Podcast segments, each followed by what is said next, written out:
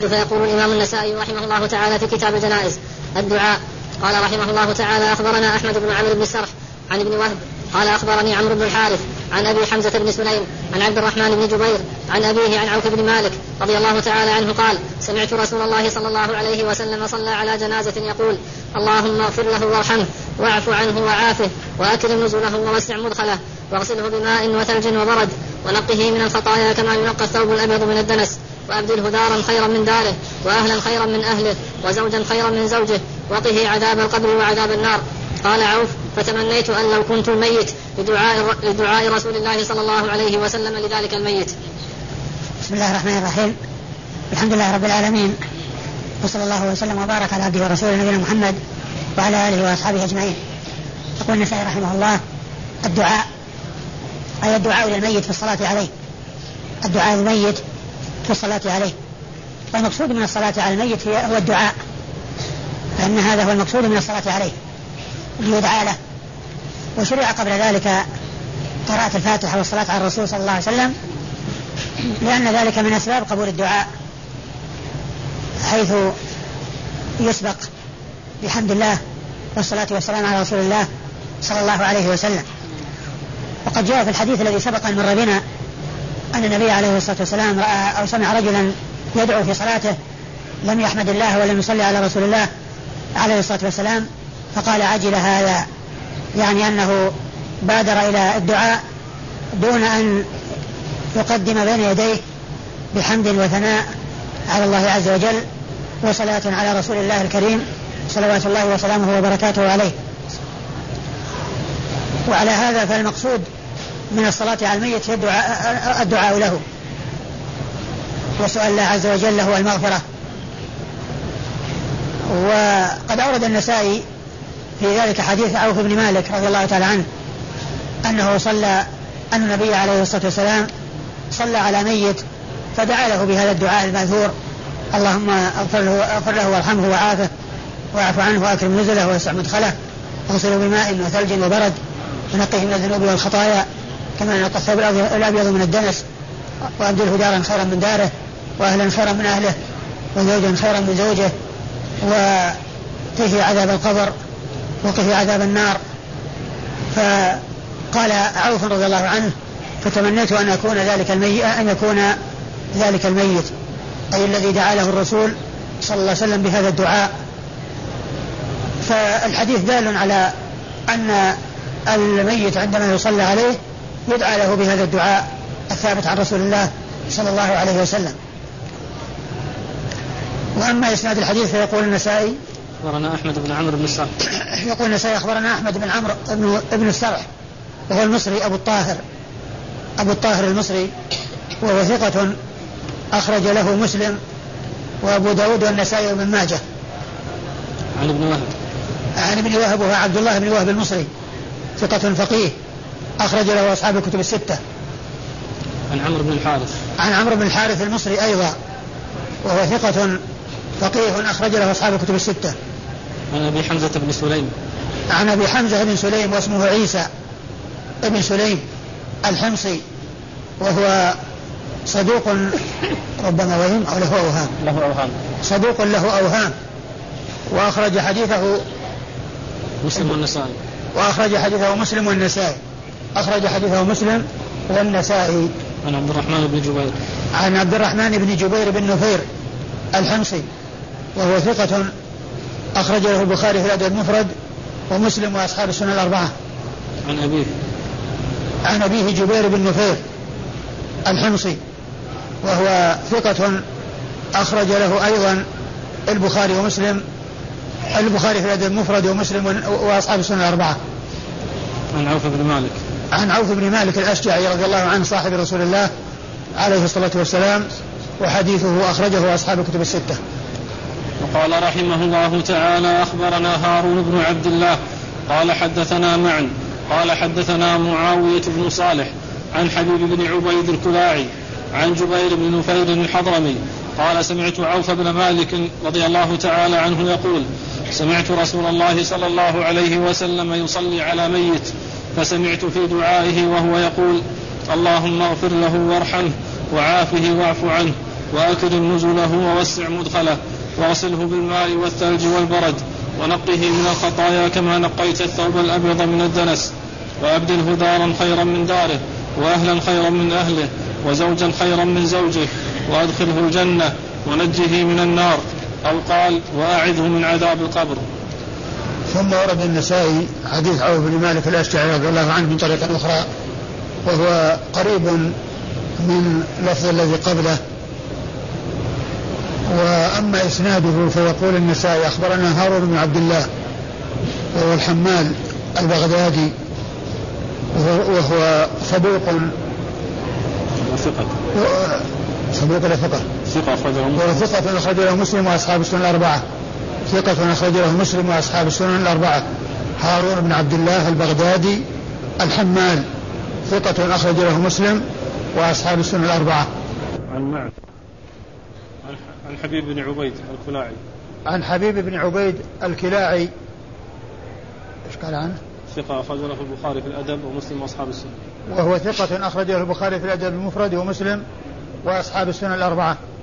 عن جبير عن عوف بن مالك. عن جبير بن نفير عن عوف بن مالك وقد مر ذكرهما في الإسناد الذي قبل هذا. وقال رحمه الله تعالى أخبرنا سويد بن نصر قال أخبرنا عبد الله قال حدثنا شعبة عن عمرو بن مرة قال سمعت عمرو بن ميمون يحدث عن عبد الله بن ربيعة السلمي وكان من أصحاب رسول الله صلى الله عليه وسلم عن عبيد بن خالد السلمي رضي الله تعالى عنه أن رسول الله صلى الله عليه وسلم آخى بين رجلين فقتل أحدهما ومات الآخر بعده وصلينا عليه. فقال النبي صلى الله عليه وسلم ما قلتم؟ قالوا دعونا له. اللهم اغفر له. اللهم ارحمه. اللهم ألحقه بصاحبه. فقال النبي صلى الله عليه وسلم فأين صلاته بعد صلاته؟ وأين عمله بعد عمله؟ فلما بينهما كما بين السماء والأرض قال عمرو بن ميمون أعجبني لأنه أسند لي. ثم ورد النسائي حديث من؟ حديث عبد الله بن ربيعة السلمي. حديث عبد الله بن ربيعة السلمي يروي عن يحدث عن عن عبيد بن خالد السلمي. عن عبيد بن خالد السلمي رضي الله تعالى عنهما وهو أن النبي صلى الله عليه وسلم آخى بين رجلين. فما فاستشهد أحدهما ومات الآخر بعده فصلى فصلوا عليه. فقال عليه الصلاة والسلام ماذا قلتم؟ قالوا دعونا له. قلنا اللهم ارحمه اللهم اغفر له اللهم ألحقه بصاحبه. فقال عليه الصلاة والسلام فأين صلاته بعد صلاته؟ وصيامه. وأين عمله بعد عمله. وأين عمله بعد عمله.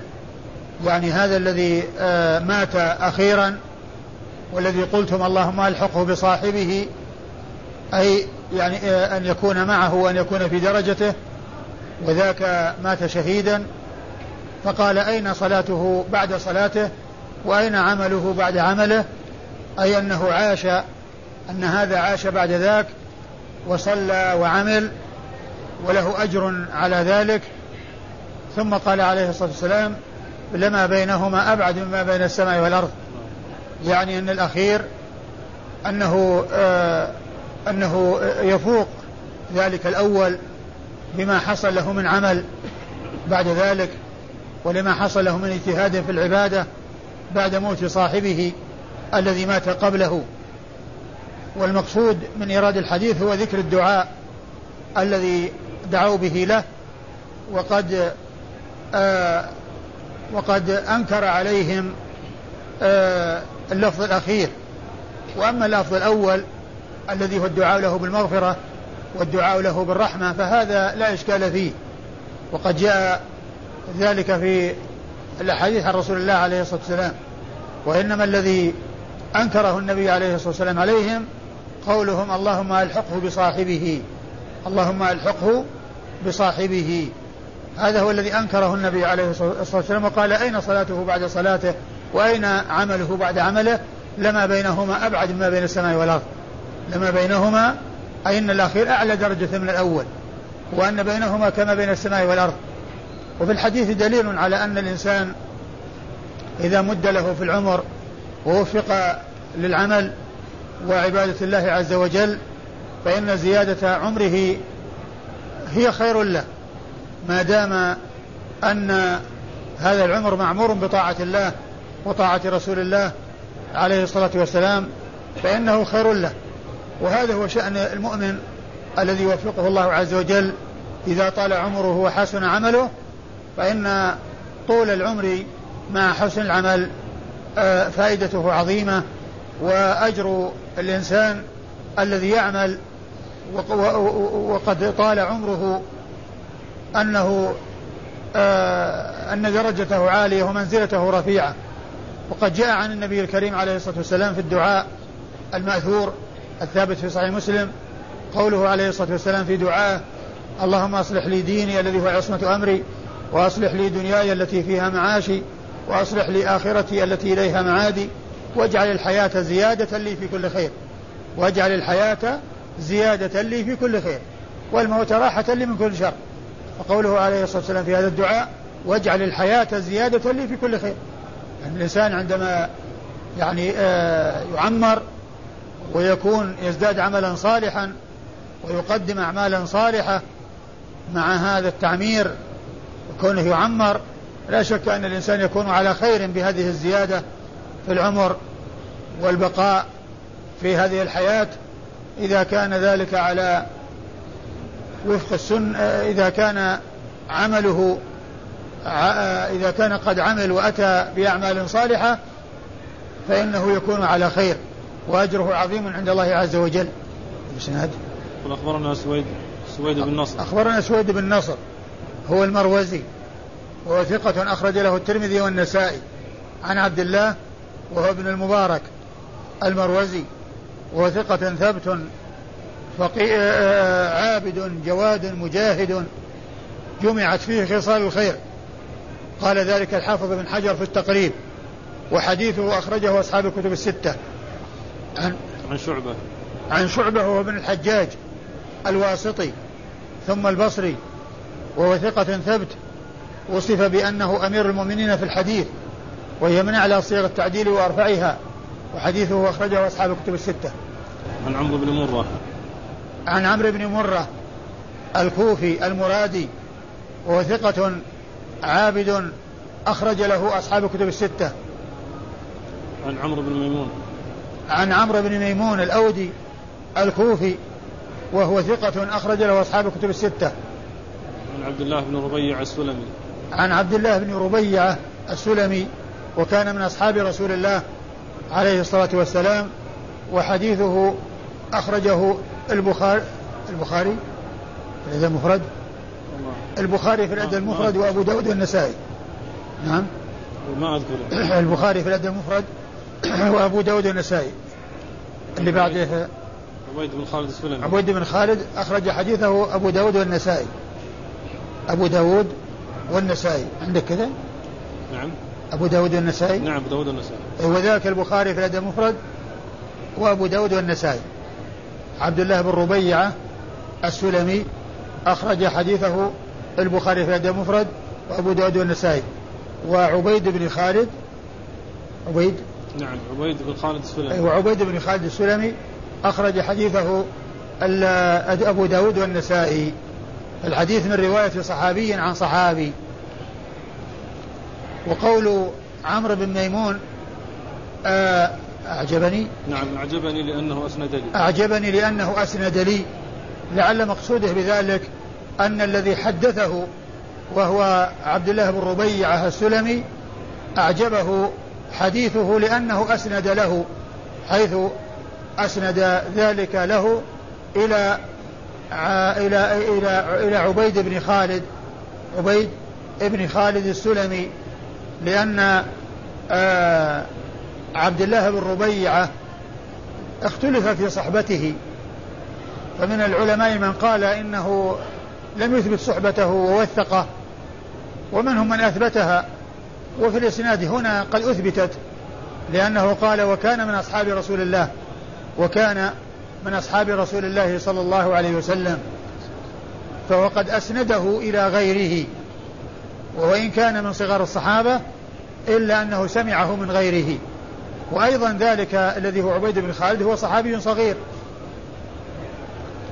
وقال رحمه الله تعالى أخبرنا إسماعيل بن مسعود قال حدثنا يزيد وهو ابن زريع قال حدثنا هشام بن أبي عبد الله عن يحيى بن أبي كثير عن أبي إبراهيم الأنصاري عن أبيه رضي الله تعالى عنه أنه سمع النبي صلى الله عليه وسلم يقول في الصلاة على الميت اللهم اغفر لحينا وميتنا وشاهدنا وغائبنا وذكرنا وأنثانا وصغيرنا وكبيرنا ثم ورد النسائي حديث أبي إبراهيم الأنصاري عن أبيه رضي الله تعالى عنه أن النبي عليه الصلاة والسلام صلى على ميت فقال في دعاه اللهم اغفر لحينا وميتنا وصغيرنا وكبيرنا وذكرنا وذكرنا وأنثانا؟ وشاهدنا وغائبنا. وشاهدنا وغائبنا وذكرنا وذكرنا وأنثانا. هذا دعاء من الأدعية التي يدعى بها في الصلاة على الميت وهذا يناسب للصلاة على الصغير لأن فيه اللهم اغفر لحينا وميتنا وصغيرنا وكبيرنا وصغيرنا وكبيرنا. ولا فهو مشتمل على دعاء أو على دعاء في الصلاة على الميت. وهو يشمل الحي والميت والشاهد والغائب والذكر والأنثى والصغير والكبير. أيوه. أخبرنا إسماعيل بن مسعود. أخبرنا إسماعيل بن مسعود. هو أبو مسعود البصري. ثقة أخرج حديثه النسائي وحده. عن يزيد بن زريع. عن يزيد وهو بن زريع البصري. وهو ثقة ثبت أخرج له أصحاب الكتب الستة. وقوله هو بن زريع هذه الكلمة التي الذي قالها هو من دون تلميذه إسماعيل بن مسعود. أي الذي قالها النسائي أو من دون النسائي وحديثه آه، آه، يزيد بن زريع أخرجه أصحاب الكتب الستة. عن هشام بن أبي عبد الله. عن هشام بن أبي عبد الله الدستوائي. وهو ثقة أخرج له أصحاب الكتب الستة. عن يحيى بن أبي كثير. عن يحيى بن أبي كثير اليمامي. وهو ثقة ثبت يرسل ويدلس. وحديثه أخرجه أصحاب الكتب الستة. وهو صاحب الكلمة المأثورة المشهورة التي رواها عنه مسلم في صحيحه حيث قال لا يستطاع العلم براحة الجسم لا يستطاع العلم براحة الجسم يعني أن من أراد أن يحصل علما فإنه يحتاج إلى تعب ونصب ومشقة لأن العلم لا يحصل براحة الجسم وإنما يحصل بالتعب والنصب والمشقة. فلا بد من البذل ولا بد من العمل ولا بد من الجد والاجتهاد ولا بد من الصبر والمصابرة ولا بد من العناية التامة.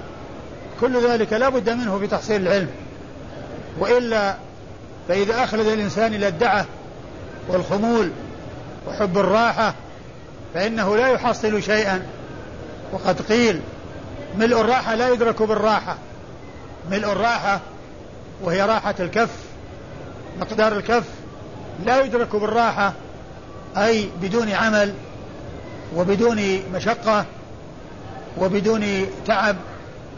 فلا بد لمن أراد شيئا أن يبذل أشياء ولا بد لمن أراد العلم أن يعطي العلم ما يستحق من الجد والاجتهاد وحفظ الوقت والعمل على تحصيله.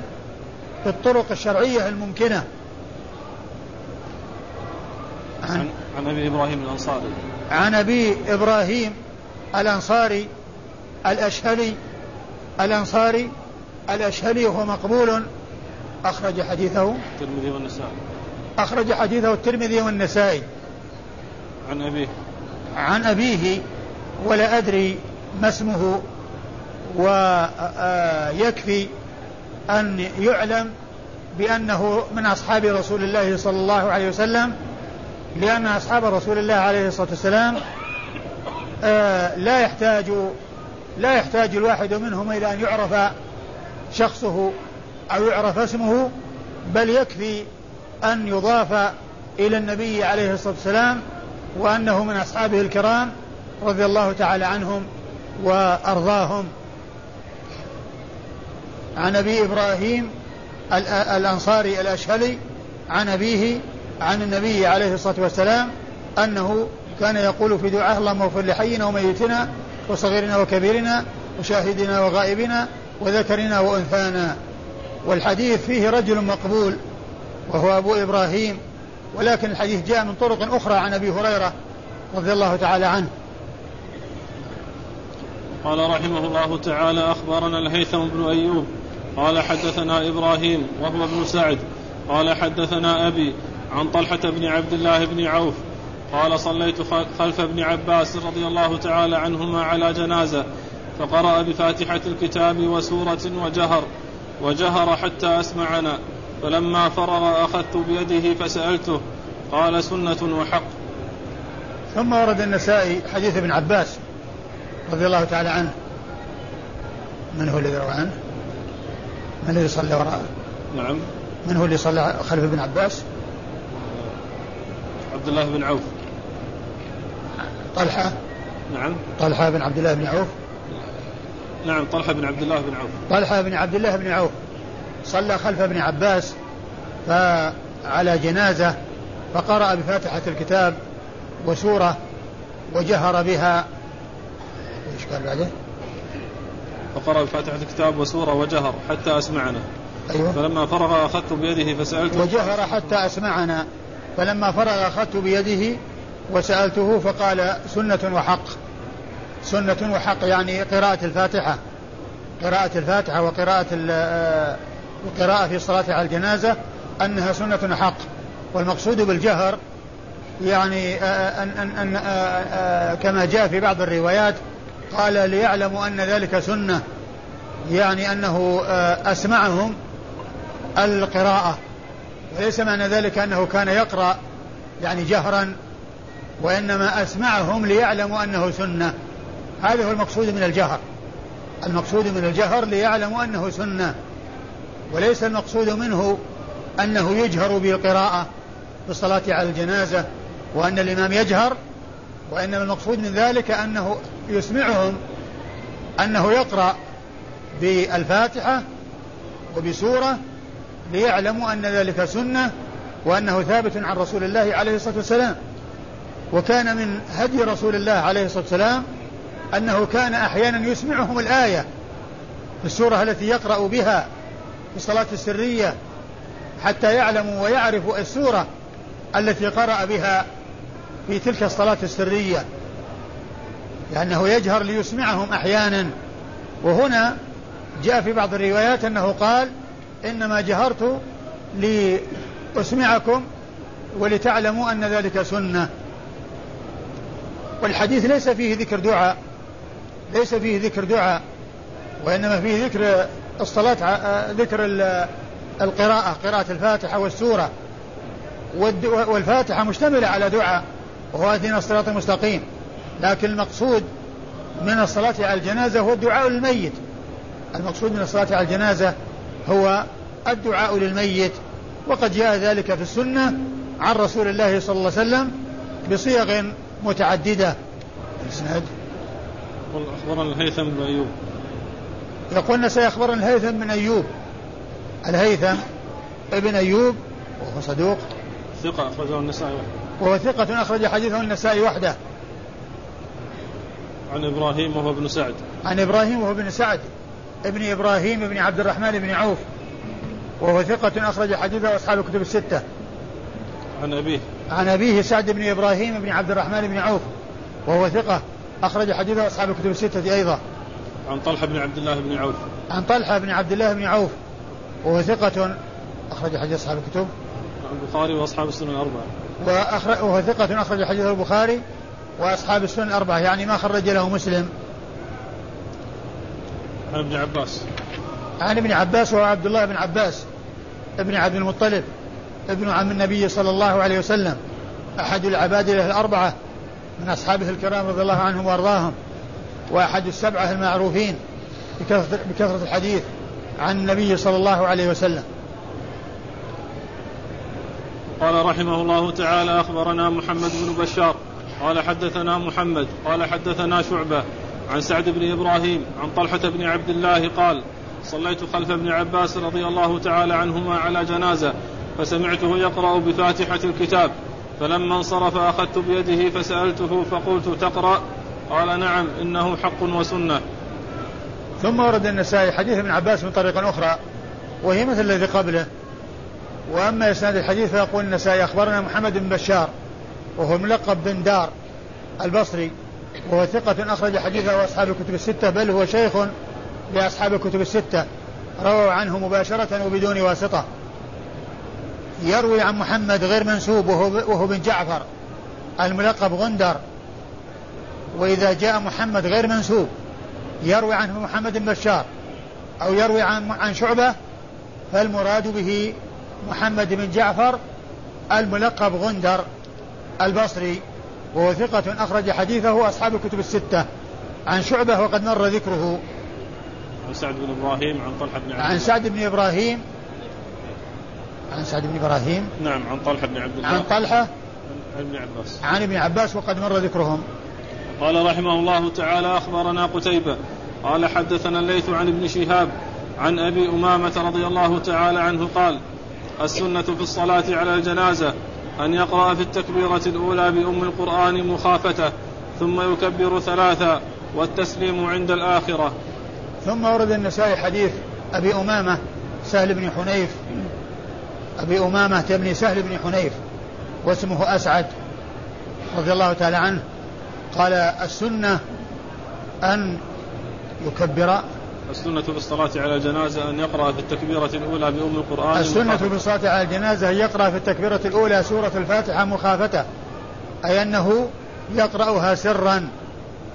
وهذا يدلنا على أن القراءة في صلاة الجنازة تكون سرا. وما جاء في حديث ابن عباس أنه كان يقرأ الفاتحة وجاء وسورة وجهر وأنه يسمعهم عرفنا أن المقصود من ذلك أنه يريد إسماعهم وأن يعرفوا ماذا يقرأ. فلا ينافي ما جاء في هذا الحديث من المخافة لأن السنة المخافة وأن يقرأ سرا لكن الجهر للتنبيه وللفت أنظارهم إلى القراءة أو الشيء الذي يقرأ به. هذا هو المقصود من من آه مما جاء في ذكر المخافة وذكر الجهر بالقراءة. أي أن الأصل أنه كان يخافت ولكنه جاء ذكر الجهر والمراد به أنه كان يجهر ليعلمهم وليعرفوا بأي شيء قرأ رضي الله تعالى عنه وأرضاه. وأن ذلك حق وسنة عن رسول الله صلى الله عليه وسلم. قتيبة. أخبرنا قتيبة هو بن سعيد ابن جميل ابن طريف البغلاني ثقة ثبت أخرج له أصحاب الكتب الستة. عن الليث. عن الليث بن سعد المصري وهو ثقة فقيه أخرج له أصحاب الكتب الستة. عن ابن شهاب. عن ابن شهاب وهو محمد بن مسلم ابن عبيد الله بن عبد الله بن شهاب ابن عبد الله بن الحارث بن زهرة بن كلاب. ثقة فقيه من صغار التابعين. أدرك صغار الصحابة مثل أنس بن مالك وغيره وهو مكثر من رواية حديث رسول الله عليه الصلاة والسلام وحديثه أخرجه أصحاب الكتب الستة. عن أبي أمامة. عن أبي أمامة وهو أسعد ابن سهل بن حنيف رضي الله تعالى عنهما وحديثه أخرجه أصحاب الكتب الستة. وقال رحمه الله تعالى أخبرنا قتيبة قال حدثنا الليث عن ابن شهاب عن محمد بن سويد الدمشقي الفهري عن الضحاك بن قيس الدمشقي رضي الله تعالى عنه بنحو ذلك. ثم ورد النسائي حديث الضحاك بن قيس رضي الله عنه وهو بنحو حديث آه، أبي أمامة بن سهل بن حنيف رضي الله تعالى عنه لأنه قال بنحو ذلك أي بنحو المتن الذي جاء ذكره في الإسناد السابق وهو حديث أبي أمامة بن سهل ابن حنيف رضي الله تعالى عنه. وإسناد الحديث قتيبة وكلمة بنحوه أي أن المتن قريب من المتن السابق ولكن ليس مطابقا اللفظ لأنه إذا كان اللفظ مطابقا يعبر عنه بمثله. لكن لما عبر عنه بنحوه يعني معناها أن اللفظ لم يكن مطابقا بل فيه شيء من الاختلاف. ولهذا عبر بكلمة نحوه ولم يعبر بكلمة مثله التي تفيد المساواة وتفيد التماثل التام بين اللفظ المتقدم واللفظ الذي لم يذكر. قتيبة عن الليث عن ابن شهاب. قتيبة عن الليث عن شهاب وقد مر ذكرهم. محمد بن سويد عن محمد بن سويد الفهري وهو صدوق. صدوق أخرج حديثه النسائي وحده. عن الضحاك بن قيس. عن الضحاك بن قيس صاحب رسول الله صلى الله عليه وسلم وحديثه. النسائي وحده. وحديثه أخرجه حديثه وأخرج حديثه النسائي وحده. كالتلميذ الذي قبله. انتهى الباب. نعم. والله تعالى أعلم وصلى الله وسلم وبارك على عبده ورسوله نبينا محمد وعلى آله وأصحابه أجمعين.